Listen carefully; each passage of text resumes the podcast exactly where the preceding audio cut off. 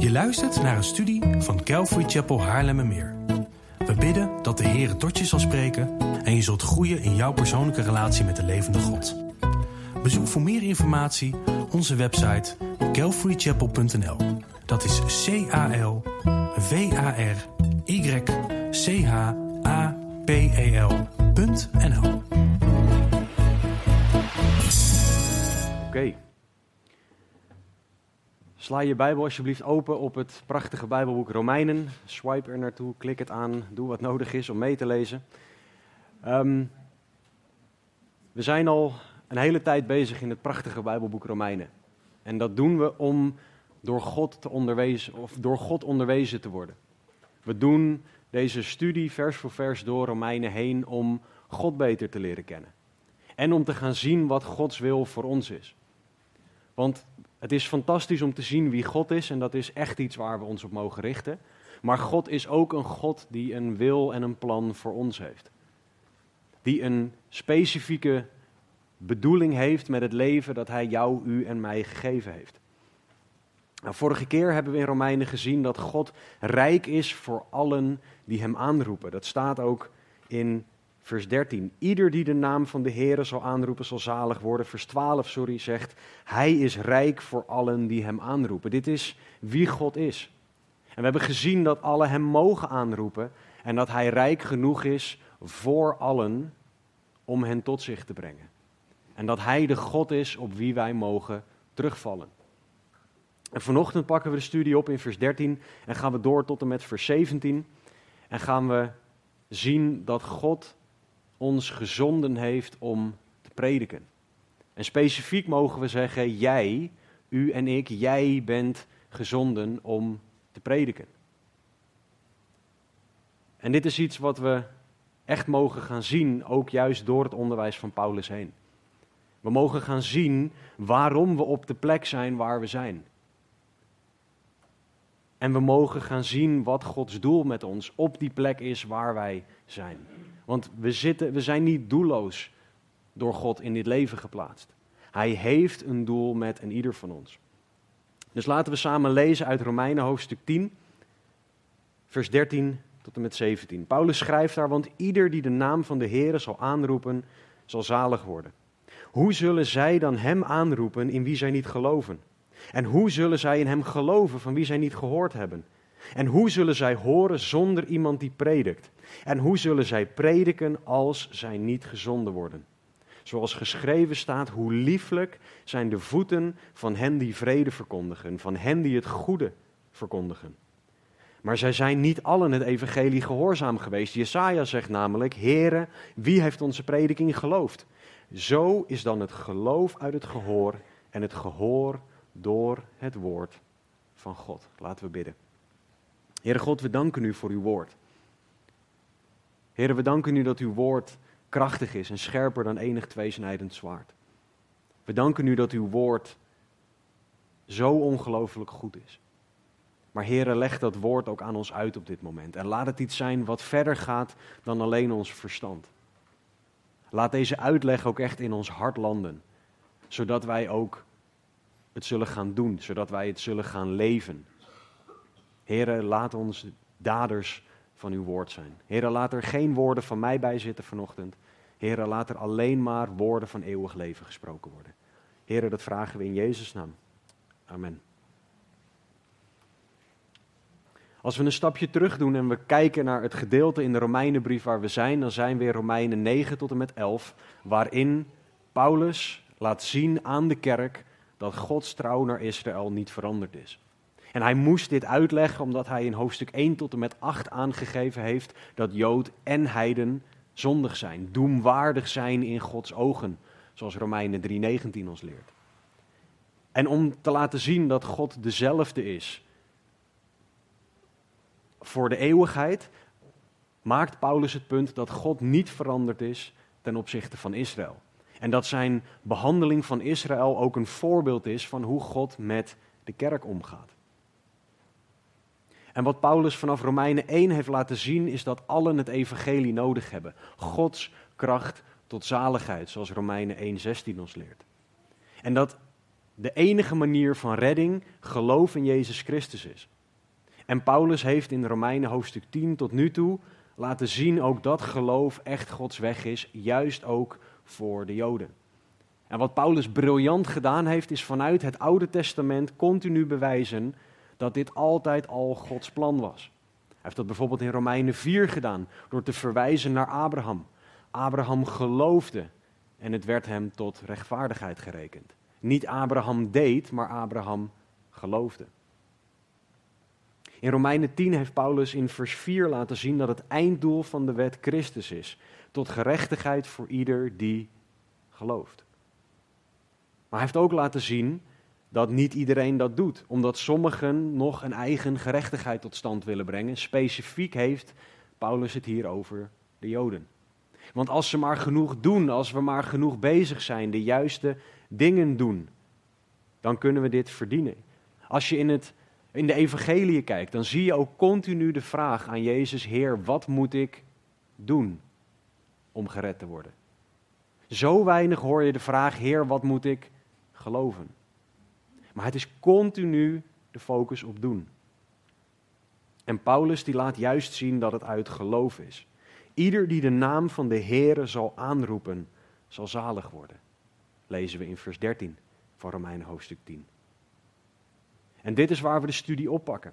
Want Paulus die zet hier fantastische waarheden neer over dat we moeten geloven met het hart, moeten beleiden met de mond, dat dat is wat de mens redding biedt. Maar Paulus die draait dat ook om naar een verantwoordelijkheid voor zijn lezers. Paulus die wil dat wij doorhebben dat dit niet alleen maar hele prachtige theologische waarheden zijn. Paulus die heeft het in vers 13 over het aanroepen van God. En dit is het begin van een stuk logica dat Paulus gaat neerleggen. Ik vind dat zelf heel fijn, want ik denk dat ik op een bepaalde manier logisch nadenk. Hangt er vanaf van wie je dat vraagt. Mijn vrouw is het daar niet altijd mee eens. Maar Paulus die begint een heel stuk logica in vers 13, dat hij doorzet tot en met vers 15. Maar hij begint dat met het aanroepen. En dat aanroepen in vers 13 is het Griekse woord epikaleo, wat in dit geval in de, in de vervoeging die hier gebruikt wordt in de middelste stem staat. En wat betekent dat nou? In het Grieks ehm, is, heb je de actieve, de middelste en de passieve stem. En dat betekent, de actieve is dat, dat je iets doet, de passieve is dat jou iets aangedaan wordt, maar de middelste stem is een handeling die de lezer bij zichzelf doet, die, de, die bij de persoon zelf gedaan wordt. Als je daar meer over wil weten, kan je me na de dienst even vragen, want dat is wat, kan ik het wat rustiger uitleggen. Maar wat dat betekent voor dit aanroepen, is dat ieder die de naam van de Heer zal aanroepen, dus wijst op een daad die je zelf moet doen. Niet dat je daarmee je redding verdient, maar het is een keuze om God aan te roepen. Want je kan er ook voor kiezen om God niet aan te roepen. Je kan het je zo voorstellen dat iemand in de zee ligt te verdrinken en die krijgt een reddingsboei toegeworpen. Maar die wil dat degene die de reddingsboei toewerpt, niet alleen de reddingsboei werpt, maar hem ook in de reddingsboei hijst, hem er overheen legt, hem vastbindt aan die reddingsboei en hem op die manier meeneemt naar veiligheid. Dat is niet hoe God mensen redt. God zegt, ieder die de naam van de Heere zal aanroepen, zal zalig worden. En vanuit het Grieks wijst dit erop dat dit een handeling is waarbij jij zelf die keuze maakt om dat te doen. Het aanroepen van God is iets dat je doet omdat je inziet dat het goed voor je is. Daarmee verdien jij je redding niet, want alle redding is gebaseerd op Jezus Christus en op zijn werk. Maar het cadeau moet aangenomen worden. En deze keuze bepaalt je eeuwigheid. Deze keuze, het aanroepen van God, gaat om zaligheid. Gaat om eeuwige redding. En Paulus die zegt, ieder die de Heere zal aanroepen, zal zalig worden. En daarmee legt Paulus dus de verantwoordelijkheid onder de leiding van de geest bij de individuele mensen om te geloven. Maar Paulus die begint in, of gaat in vers 14 echt dat stuk logica in waar ik het net over had. Hij zegt, hoe zullen zij dan hem aanroepen in wie ze niet geloven? Dat is een hele terechte vraag. Want we willen zo graag dat mensen Jezus aanroepen. We willen zo graag dat mensen dit doen, dat mensen deze keuze maken. Maar Paulus vraagt, hoe dan? Hoe zullen zij dan Hem aanroepen in wie zij niet geloven? Je gaat iemand niet aanroepen als je geen vertrouwen hebt in die persoon. Zeker niet als het aankomt op zoiets heftigs, zoiets groots als, als redding. Je moet meer weten over die persoon dan, ja, je moet hem aanroepen. Dus Paulus die pelt het verder af. Hoe zullen zij hem dan aanroepen wie ze niet geloven? Hoe zullen zij in hem geloven van wie zij niet gehoord hebben? Hoe zullen zij horen zonder iemand die predikt? En hoe zullen zij prediken als zij niet gezonden worden? Deze vier vragen zijn erop gericht om af te pellen wat onze verantwoordelijkheid is. Want Paulus die zegt, ieder die de Heer zal aanroepen, die zal zalig worden. Dat is een feit. Maar, hoe zullen zij dan hem aanroepen in wie ze niet geloven? En hoe zullen zij, vers 15, prediken als zij niet gezonden worden? Paulus die wil dat wij gaan inzien dat wij een God gegeven taak hebben in de redding van mensen. Nogmaals, niet dat wij daarin iets verdienen of dat wij iets voor een ander kunnen verdienen, maar God wil mensen gebruiken. Want we kunnen het zo makkelijk theoretisch eens zijn met vers 13. Ieder die de naam van de Heer zal aanroepen, zal zalig worden. Iedere beleidende christen zegt daar ja en amen op. Is daar dankbaar voor en wil dat iedereen dit grijpt. Maar te vaak vergeten we wat er in Jacobus 1, vers 22 staat. Wees daders van het woord, niet alleen hoorders, anders bedriegt u uzelf. Te vaak weten wij heel veel van het woord en doen we zo'n klein stukje. Hoe anders zou de kerk zijn, heb ik een keer een voorganger horen zeggen, als wij zouden gaan handelen naar alles dat wij weten uit de Bijbel. Als wij simpelweg zouden doen wat de Bijbel zegt. En natuurlijk is dat met vallen en opstaan en hebben we de leiding van de Heilige Geest nodig. En tuurlijk, maar als we gewoon simpelweg zouden willen doen wat God van ons vraagt. In de plaats van de houding van Heer, maar u moet wel drievoudig door een notaris ondertekend aangeven wat ik moet doen, wanneer ik het moet doen en hoe ik het moet doen. En pas wanneer ik de hele weg zie, dan ga ik. Misschien ben ik de enige die zo denkt, maar dit is, waar, dit is mijn worsteling. Heer, ik weet dat uw woord zegt, maar. Paulus wil hier doorheen. Paulus wil hier doorheen breken, want hij weet, ieder die de naam van de Heer zal aanroepen, zal zalig worden. Maar jij, u en ik hebben daar een verantwoordelijkheid in. Paulus zegt dat mensen pas gaan aanroepen als ze gaan geloven. En pas gaan geloven als ze het gehoord hebben, gehoord als er gepredikt wordt. En dat er pas gepredikt wordt als mensen inzien dat ze gezonden zijn. En Paulus citeert hier in vers 15, hij zegt zoals geschreven staat, hij citeert hier Jesaja 52, 7 en Nahum 1 vers 15. In Jesaja 52, 7 staat, hoe lieflijk zijn op de bergen de voeten van hem die het goede boodschapt die vrede laat horen, die een goede boodschap brengt van het goede, die heil laat horen, die tegen Sion zegt, uw God is koning. En in Nahum 1 wordt het eerste stuk van dit vers geciteerd. Maar wat Paulus wil door te zeggen hoe lieflijk zijn de voeten van hen die de vrede verkondigen, van hen die het goede verkondigen, is dat wij gezonden zijn. Wat jij, u of ik ook over onze eigen voeten denken, of wat wij ook over de voeten van een ander denken. God zegt, hoe lieflijk zijn de voeten van hen die de vrede verkondigen. Dat is onze taak. Wij willen zo graag zien dat mensen God aanroepen. Maar we willen vaak minder graag zien dat God ons, jou, u en mij gezonden heeft om te prediken. Want als mensen niet van God horen, hoe weten ze dan dat Hij betrouwbaar is? En dat Hij aan te roepen is?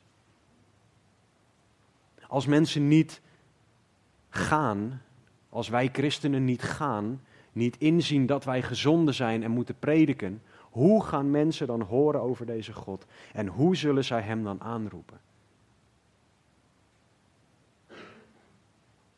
Paulus heeft het hier over het over hem vertellen. Hij spreekt hier over een, het woord keriso, een heraut, wat een boodschapper is. Dat is wat wij zijn. Dat is wat God ons gemaakt heeft, een boodschapper van zijn boodschap.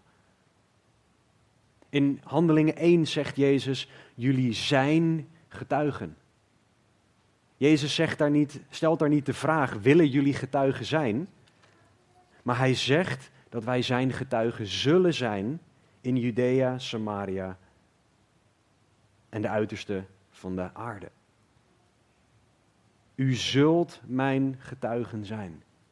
Dat is een opdracht, dat is een statement over ons, niet een vraag of een suggestie zoals wij het soms willen zien. Iemand moet gezonden worden. En wij zijn gezonden. Paulus onderbouwt hier dus vanuit het Oude Testament naar zijn broeders en zusters in Rome, aan wie hij deze brief schreef, dat zij een taak hebben in het ieder die de naam van de Heer zou aanroepen. Namelijk om ieder dit ook te vertellen, zodat ieder weet dat ze hem kunnen en moeten aanroepen. Paulus die legt de taak neer bij ons, bij christenen, dat wij gezonden zijn, dat wij moeten prediken, zodat men kan horen, zodat men Jezus zal aanroepen. Wij willen allemaal dat onze familie, dat onze vrienden, buren, collega's, kennissen, wie dan ook tot geloof komen. We willen dat deze mensen God aanroepen. Maar we willen niet altijd inzien dat God ons gezonden heeft. En we zijn ook niet altijd bereid om onszelf te zien als de persoon die door God gezonden is. De persoon die moet prediken. We willen zo graag dat God daarvoor een ander stuurt. In de plaats van dat God zegt, maar ik wil jou gebruiken. Wat nou als God tegen jou, tegen u en tegen mij zegt dat wij die boodschapper zijn, die lieflijke voeten heeft, die het goede moeten boodschappen? Hoe lieflijk, Jesaja 52:7, nogmaals, zijn op de bergen de voeten van hem die het goede boodschapt. Die vrede laat horen, die een goede boodschap brengt van het goede, die heil laat horen, die tegen Sion zegt, uw God is koning. Een bekendere manier voor ons om dit te verwoorden is Romeinen 1:16. Ik schaam mij niet voor het evangelie. En evangelie is goede nieuws. Het, voor het evangelie van Christus, want het is een kracht van God tot zaligheid voor ieder die gelooft. Eerst voor de Jood en ook voor de Griek. Dus christen, waar ben jij geplaatst door God? Daar ben jij degene die het evangelie van Christus mag brengen, hoort te brengen. Waar ben jij geplaatst, christen? Daar mag jij weten dat jij daartoe uitgezonden bent. Dat je daar mag prediken, zodat mensen zullen horen en uiteindelijk God zullen aanroepen. Jij bent gezonden om te prediken. En dit is jouw taak om op de plek waar jij bent, in de situatie waar jij, u of ik zit, deze boodschap te brengen. Want God heeft ons de wereld ingezonden om het goede nieuws te prediken. Hoe zullen mensen tot geloof komen als wij ze niet over Jezus vertellen? Als wij ze niet vertellen over wie Jezus echt is. In de plaats van wie ze denken dat Hij is of wat er vanuit sociale media geschreeuwd wordt. God heeft ons een taak gegeven en dat is het verkondigen van het goede nieuws waar we ook zijn. En die taak verandert nooit. De vraag is alleen of wij gehoorzamen aan die taak. Of wij inzien dat een ieder dit moet horen. En dat wij daar een verantwoordelijkheid in hebben gekregen van de Heer.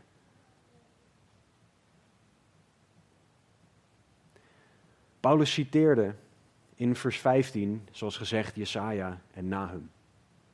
Jesaja sprak over de komende Messias. Hij zei dit in Jesaja 52 en in Jesaja 53 hebben we een prachtige uiteenzetting van de Messias. Eén hoofdstuk ervoor is hoe liefelijk zijn de voeten van hen die vrede verkondigen, van hen die het goede verkondigen. Nahum sprak over de vernietiging van Israëls vijand Assyrië. Hoe geweldig zijn deze twee boodschappen?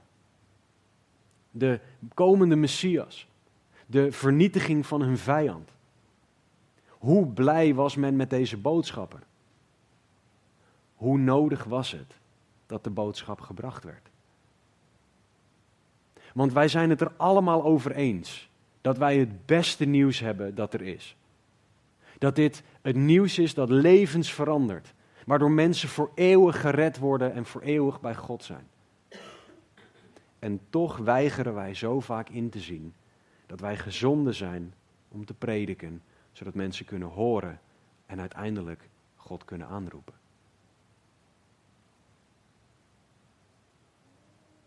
Hoe belangrijk is het dat wij inzien dat wij gezonden zijn om te prediken?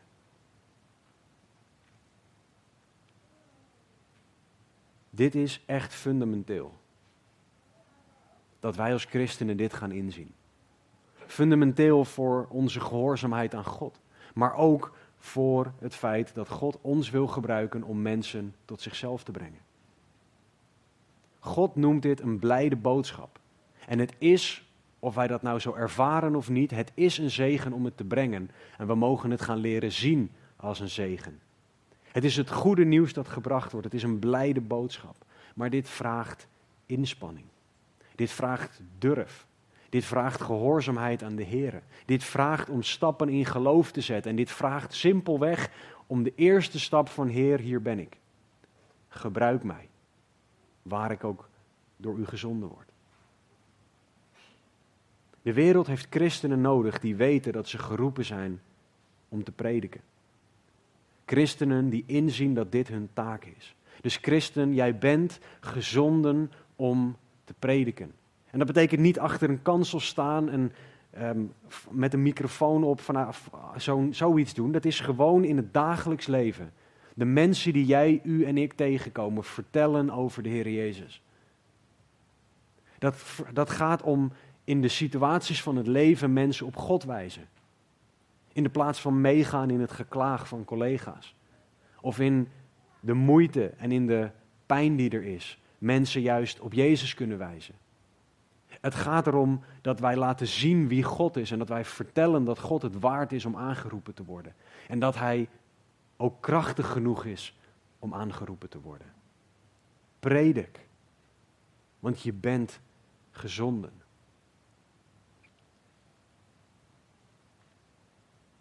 In vers 16 gaat Paulus verder met een hele soberende, een sobere conclusie. Zij zijn niet allen het evangelie gehoorzaam geweest. Jesaja zegt namelijk, Heere, wie heeft onze prediking geloofd? En hier moeten we dus weer terugvallen op de context van wat Paulus aan de Romeinen schreef. Romeinen 9 tot en met 11 gaan primair over Israël. Dus het geldt dat iedere Jood die de naam van de Heere zal aanroepen, zalig zal worden. En het geldt dat iedere christen met een Joodse achtergrond gezonden is om te prediken. Maar het geldt ook dat iedere christen überhaupt gezonden is om te prediken.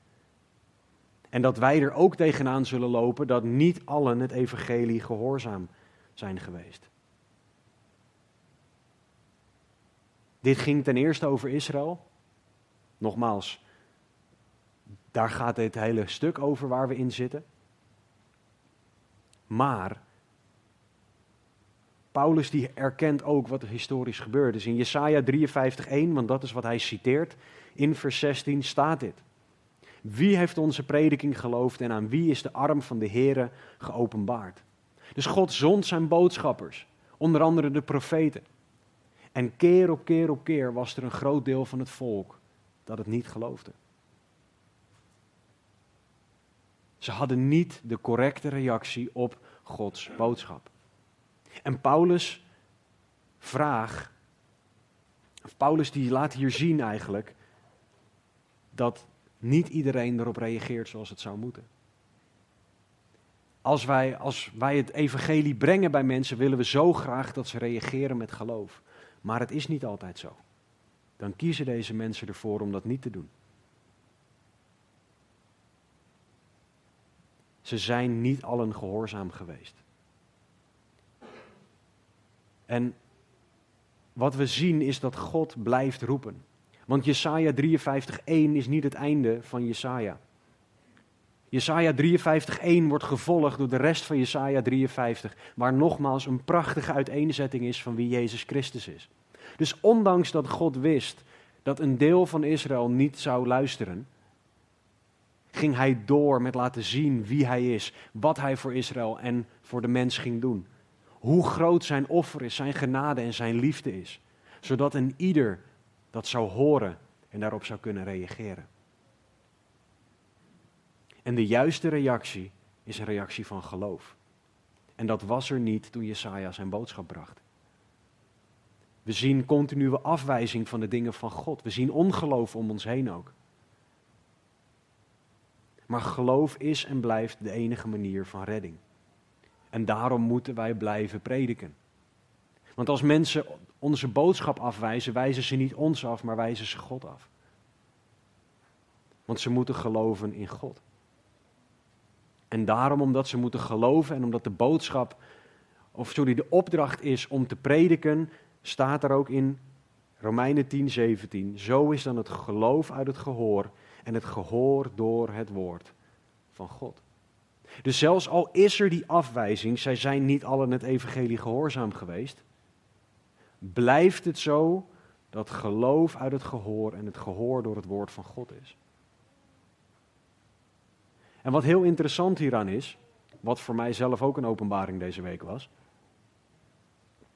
is dat, en dat had ik kunnen weten, is dat in de tijd dat Paulus deze brief schreef, het niet normaal was dat iedereen zo'n ding had. Niet iedereen had een Bijbel. Heel veel mensen konden niet eens lezen. Was gewoon niet zo. Dus hoe hoorden mensen over God? Niet door ze een Bijbel te geven, maar door te vertellen. Deze brief werd ook voorgelezen in de gemeente. Het woord werd voorgelezen in de gemeente. En dat was de manier waarop mensen over God hoorden.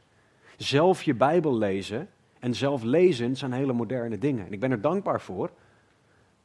Maar het woord moest primair gehoord worden. Men moest zichzelf onder het woord brengen, maar dat bracht ook de verantwoordelijkheid bij de kerk veel dichterbij om te prediken.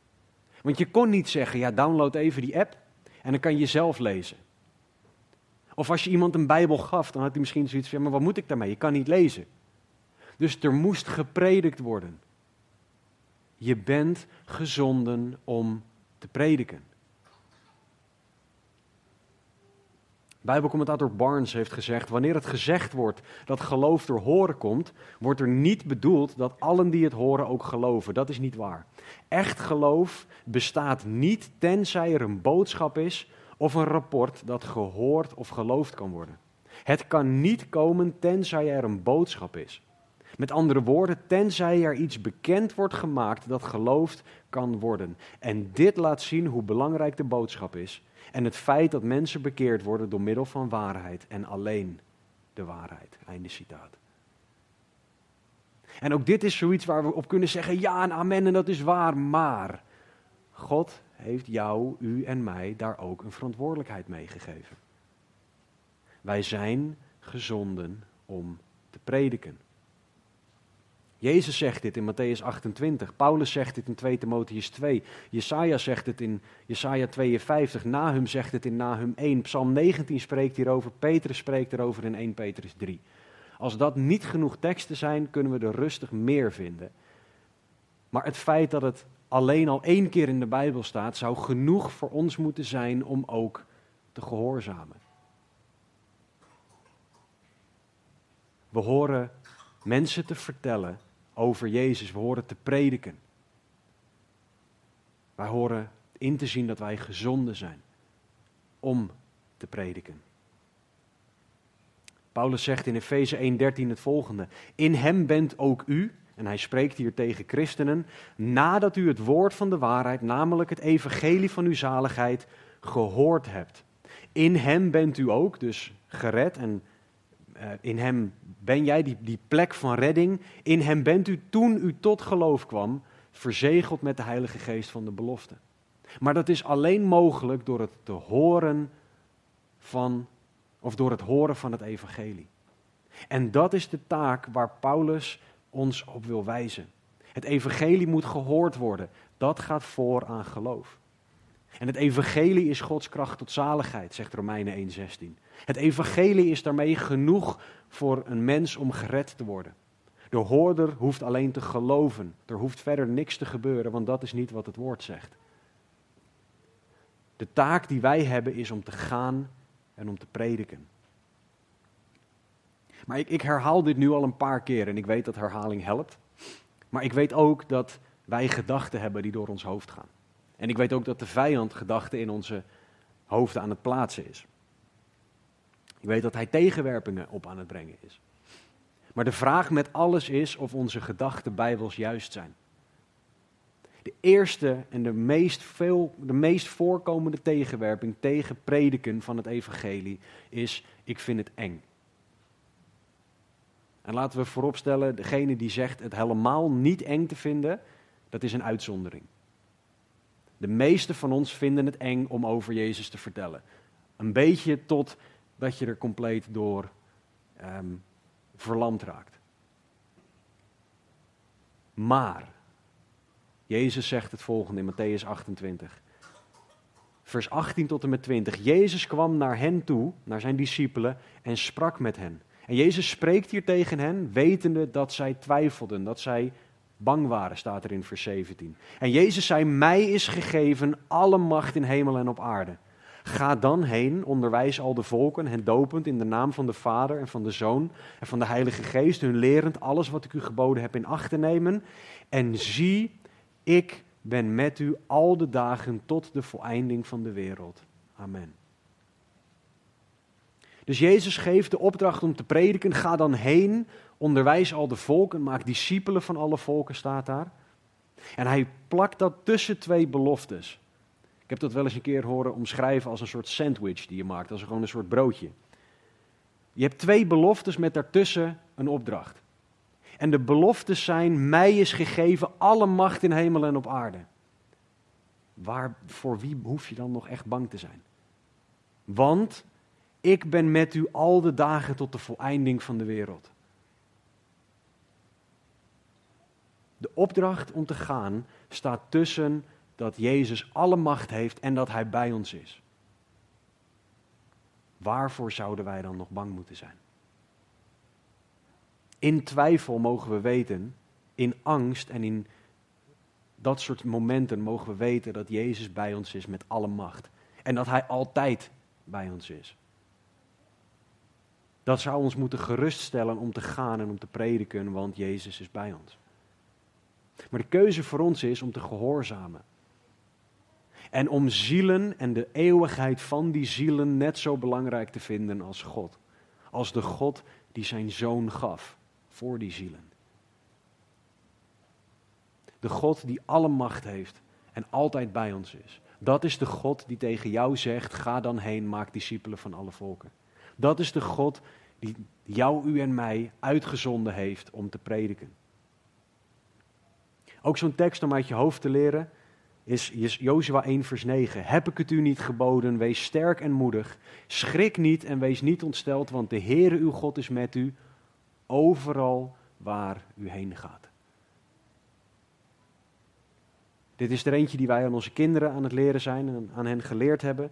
Die hielp een van onze dochters toen zij bang was in, in, in haar bed. God is bij haar in haar bed.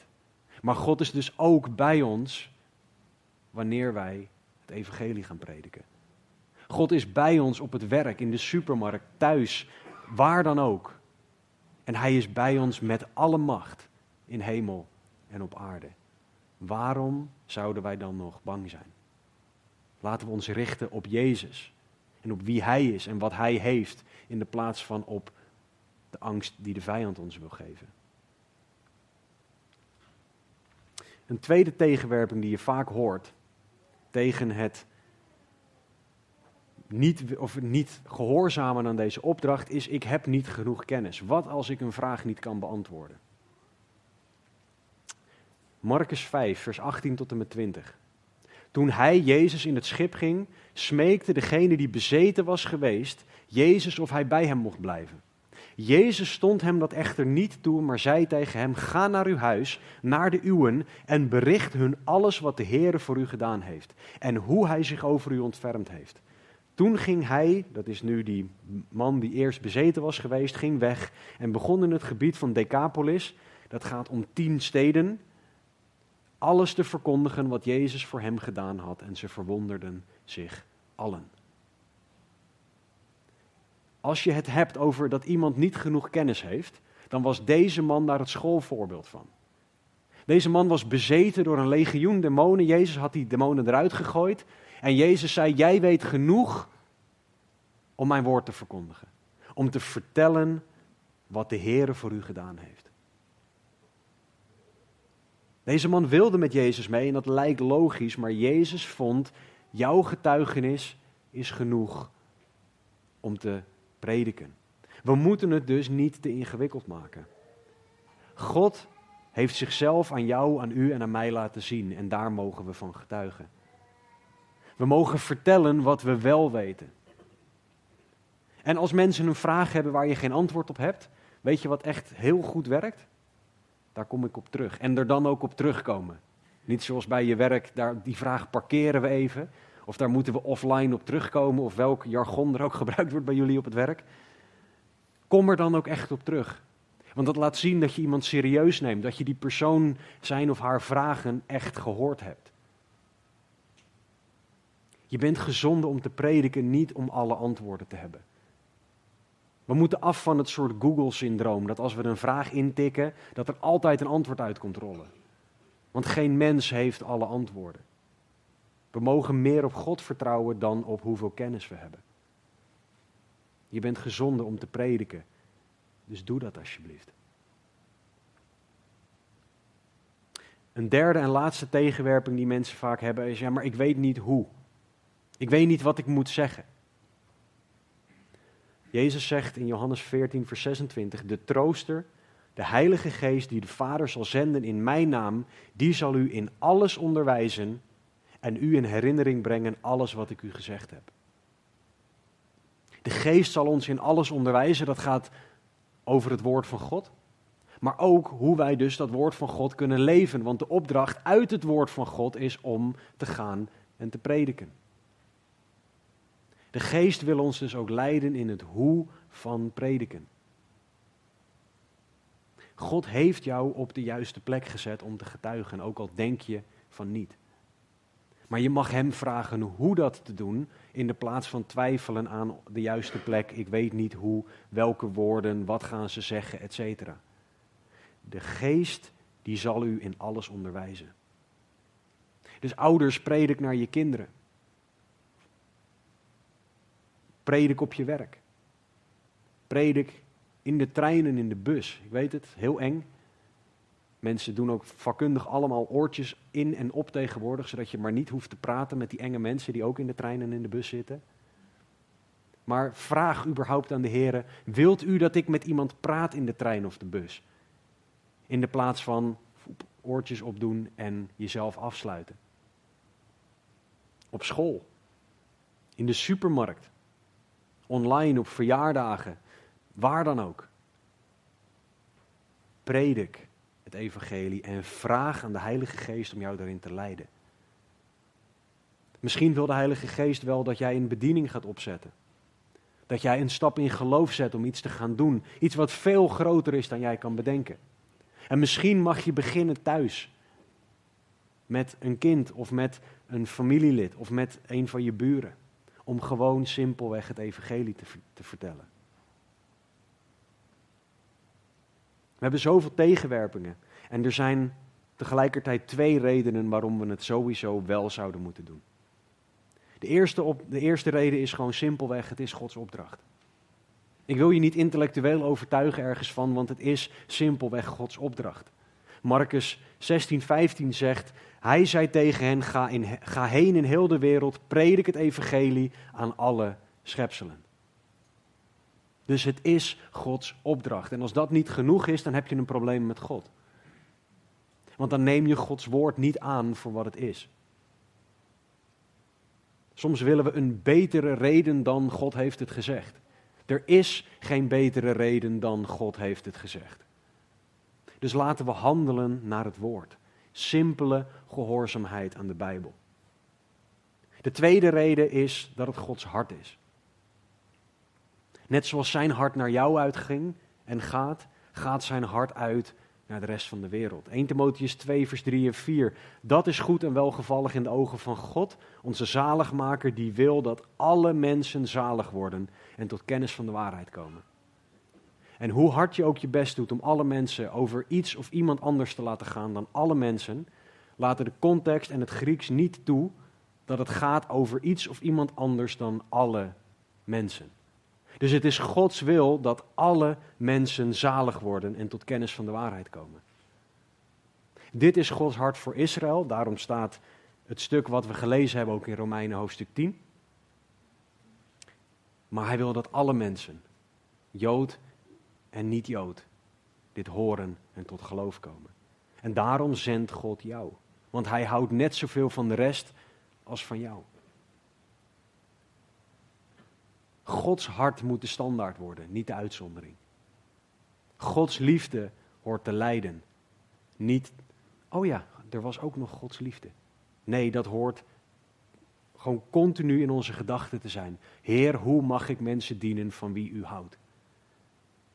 En hoe meer we Gods hart kennen, hoe meer we Gods woord lezen en daardoor zijn hart leren kennen, hoe meer we ook het verlangen horen te gaan krijgen om dat woord te prediken aan de mensen, omdat dat Gods hart is. Dus christen, matchen jouw verlangens, matchen jouw ideeën en jouw daden met Gods opdracht en Gods hart. Wat staat er voor jou in de weg om simpelweg te gehoorzamen aan Gods wil? Begin met bidden voor mensen die nog niet geloven. Maar vraag ook aan wie jij mag prediken, want je bent gezonden om te prediken. Als jij nog niet gelooft, staat vandaag jouw eeuwigheid op het spel. Elke dag staat jouw eeuwigheid op het spel. Want je weet niet of er nog een morgen is. Er zijn zat mensen die zeggen: Ja, op mijn sterfbed ga ik wel nadenken over God. Je weet niet wanneer dat is en of je die kans hebt. We hebben het hier over de God die zoveel van jou houdt dat hij zijn zoon naar de aarde stuurde voor jou. We hebben het hier over de God die het allerbeste met jou voor heeft.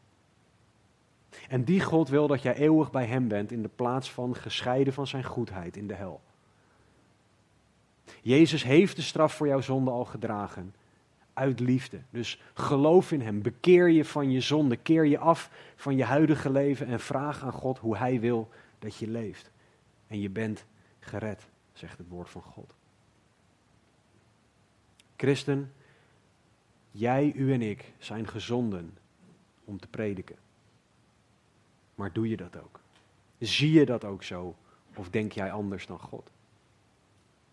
Vraag God naar wie jij gezonden bent. En predik, vraag Hem om de woorden.